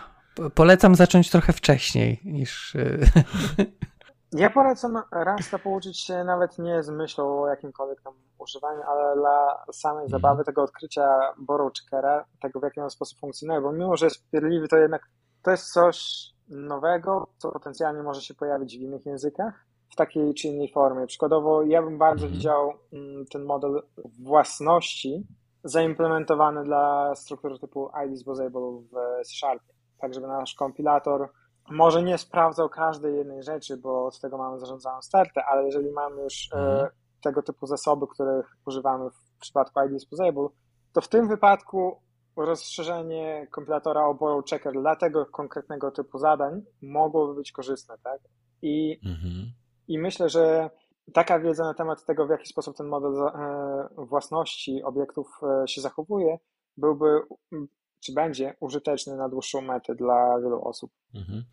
Teraz przypomniałeś mi moje, moje doświadczenia z C i z .NETem, gdzie w C jak tworzyłeś właśnie jakieś nowe rzeczy przez, przez New, to później trzeba było pamiętać, że skoro ja stworzyłem, to ja muszę usunąć te rzeczy i tam była cała lista e, dobrych praktyk i coś, co robię w dotnecie, czyli nie robię new, po prostu nie chcę się tą pamięcią zarządzać i każę komuś innemu zawsze to stwarzać, e, na przykład kontenerom, to tutaj e, chyba właśnie ten borrow checker, tak powiem, na etapie kompilacji mówi ci, ok, stworzyłeś, ale przekazałeś tu, przekazałeś tu, więc ten musi to posprzątać, tak? I tam masz jasno powiedziane, ok, a właśnie w Cyprusie brakowało tego, że zwracasz wskaźnik i właściwie e, dokumentację dokumentacją, ale trzeba było spojrzeć w kod, czy oni tego pilnują, czy jednak jak daje mi wskaźnik, to już jest moje, tylko moje i znowu ja to muszę usunąć, nie? Dokładnie. E, mhm, mhm. To złe są wspomnienia, ale są. No. To ciekawe, ten, ten Boro, ten checker. No to zobaczymy, czy po grudniu tak samo powiesz, jak będziemy z nim walczyć. No, no, no, no. Ale w sensie, no, no to jest z punktu widzenia właśnie widzenia zarządzania pamięcią mhm. ciekawa sprawa, tak? A, mm, I rozumiem, że no tak, on potem wchodzi do skopa i się wyczyści. Czyli on wie, że to jest własność tego. No, może działać, może działać. Tak to powiem. E, to o, ja na koniec jeszcze. Najgorsza rzecz, która cię spotkała z Rastem. A mnie. E, no dobra, no okej, okay, zacznijmy od tego. Coś, czego nienawidzisz. Mm, tego, że czasami, mimo że API jest bardzo bogate, to czasami nie da się uniknąć pisania kodu w trybie unsafe. Mhm. Przykład, przykładowo sam borrow checker nie jest perfekcyjny, to znaczy on nie jest w stanie określić, e, szczególnie w przypadku, kiedy wywołujemy metody na obiektach, które pola w tych e, metodach są używane, a które nie, co czasami powoduje konieczność zaprojektowania całej struktury od nowa de facto. Bo przykładowo mamy jakąś metodę, która wymaga e, mutowalnej referencji do naszej struktury, mhm. wywołujemy ją, jakiś czas, ona zwraca jakąś referencję do powiedzmy jednego z tych pól, tej struktury, jakiś, i sobie zachowujemy tą referencję gdzieś e, na boku w jakiejś zmiennej. A później chcemy wywołać inną metodę na tej strukturze, która też wymaga referencji do tej struktury. I w tym momencie borrow checker się czepia do nas, ponieważ z punktu widzenia tych metod, które wywołaliśmy, wychodzi na to, że pożyczyliśmy referencję do struktury, tak? Zapisaliśmy sobie na boku w jakiejś zmiennej fragment naszej struktury i następnie próbujemy wywołać drugą metodę, która de facto wykonuje inwalidację tej zmiennej, którą sobie przechowaliśmy. I to powoduje mhm. nam błąd kompilacji, podczas gdy de facto mogliśmy po prostu. Nasza metoda numer jeden mogła skorzystać tylko z jednego pola tej struktury, metoda numer dwa tylko z drugiego. One nigdy ze sobą, powiedzmy, tak. się nie spotkały, ale Borrow Checker tego nie wie. I to jest mhm. w ogóle najbardziej trywialne w momencie, kiedy przykładowo chcemy wziąć referencję do tablicy pod indeksem i w trybie odczyt zapis, czyli mutowalnym, i i plus jeden w trybie tylko do odczytu. Mhm. Co też powoduje błąd kompilacji, ponieważ w tym momencie mamy dwie referencje do dwóch komórek w tablicy. Jedna jest w trybie tym odczyt zapis jest w trybie ekskluzywnym, Tak. druga jest w trybie szerowalnym, ale ta tryb, w trybie ekskluzywnym oznacza błąd w kompilatorze, tak? A my po prostu chcieliśmy mieć dwie referencje do sąsiadujących e, elementów Mhm. tablicy. I wreszcie są metody, które pozwalają nam, powiedzmy, bezkosztowo wydobyć e, coś, co się nazywa slices, czyli tak jak span w dotnecie, Mhm. które pozwala nam e, e, rozbić tą tablicę na tak jakby dwie, które nie będą powodować już tego problemu w trakcie kompilacji, ale to dowodzi tego, że ten borrow checker nie jest idealny i czasami trzeba jednak odbić się do kodu, który będzie wywoływał e, te klauzule unsafe tylko po to, żeby móc zrobić coś, co my wiemy, że jest Żeby bezpieczne, kompilator był szczęśliwy. ale czego Mhm. nie jesteśmy w stanie zagwarantować z punktu widzenia kompilatora. Mhm, mhm.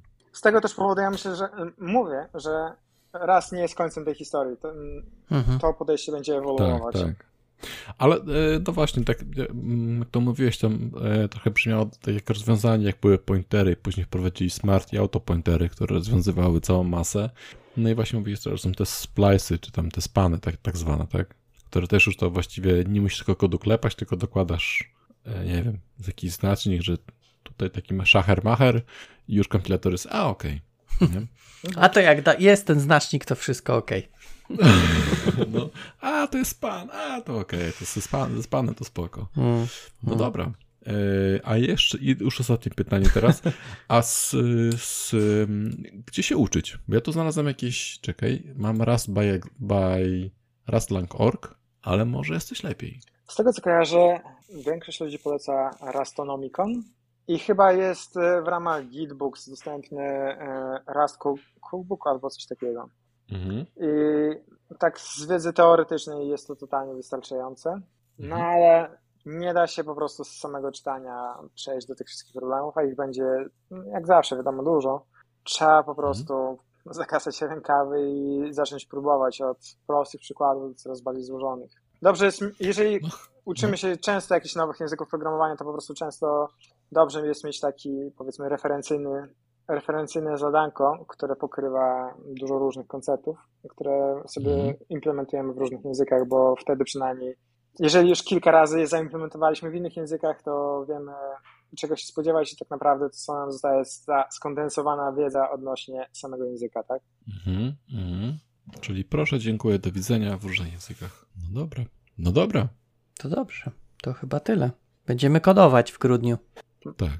Mam nadzieję, że się spodoba. Szykuj, szykuj się, że od stycznia idziemy do, do ciebie do pracy jako senior eksperci e, Rasta. Bardzo W chętnie. grudniu po tym, po Wigilii, pyk pyk, ogarnięta do ten, do Karpia. Siądziemy sobie z Pawłem e, przed tą, Boże, gdzieś idzie, ym, Pasterką. tak, przed, albo, albo zam- zamiast na pasterkę to my do piwnicy z laptopami i ra- raścika sobie ogarniemy. Ja bardzo chętnie. Polecam. Pewną zaletą posiadania pracy w projekcie open source'owym jest to, że przyjmujemy kontrybucje, tak? Dobrze, to nasze kontrybucje po, e, zamiast pasterki nie wiem, jak będą wyglądały. Może rozwiążemy problem właśnie tych spanów e, na tym borrow checkerze. Taki challenge proszę mieć, Pa- panie Pawle. Dobrze, Pasterka, rozwiązujemy wszystkie problemy bo- borrow checkera w raście. dobrze, dobrze. I cyk, i od razu do... do A do nowego do roku wszystkie pozostałe.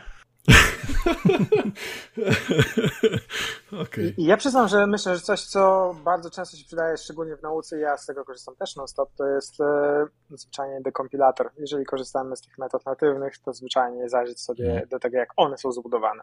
To też bardzo dużo pomaga przy nauce. Bo Mhm. często one rozwiązują problemy, których my sami nie rozwiązujemy, bo wydaje nam się, jak to jest możliwe. To zaglądamy do środka i tam mamy całą odpowiedź. A dekompilator em, masz jakiś? W sensie Brains mają swój, czy... Z Lion, e, w C-Lionie przykładowo, jeżeli mam C-Lion na Windowsie, no to mam MinGW, ale prawda jest taka, że sam ten menadżer pakietów, on pobiera Mhm. e, kod źródłowy do naszego projektu, więc de facto mamy ten kod źródłowy rastowy dostępny i w momencie, kiedy korzystamy z jakichś e, metod z zewnętrznych bibliotek, to możemy po prostu sobie do nich Mhm. zajrzeć. Tak samo Rust Docs, czyli ta strona, która zawiera dokumentację do wszystkich opublikowanych pakietów. E, Tam również jest zawsze ta zakładka source e, przy każdej metodzie, Mhm. gdzie po prostu mamy permalink do, do tego kodu, który nas interesuje. A to wszystko jest open source'owe? Domyślnie te pakiety, które są publikowane, są publikowane na tak Mhm. stronie, która nazywa się crates.io I tam mamy Mhm. dostęp do wszystkiego.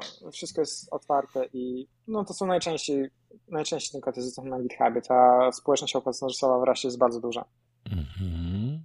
Czyli ten dekompilator tak naprawdę ściąga, nie, nie dekompiluje i Tak, mapuje. de, de facto to nie jest dekompilator, to jest po prostu rozszerzenie nasz, nawigacji o cudzy kod, Mhm. powiedzmy. No dobra. A dekompilowałeś kiedyś? No bo w C to się nie dało.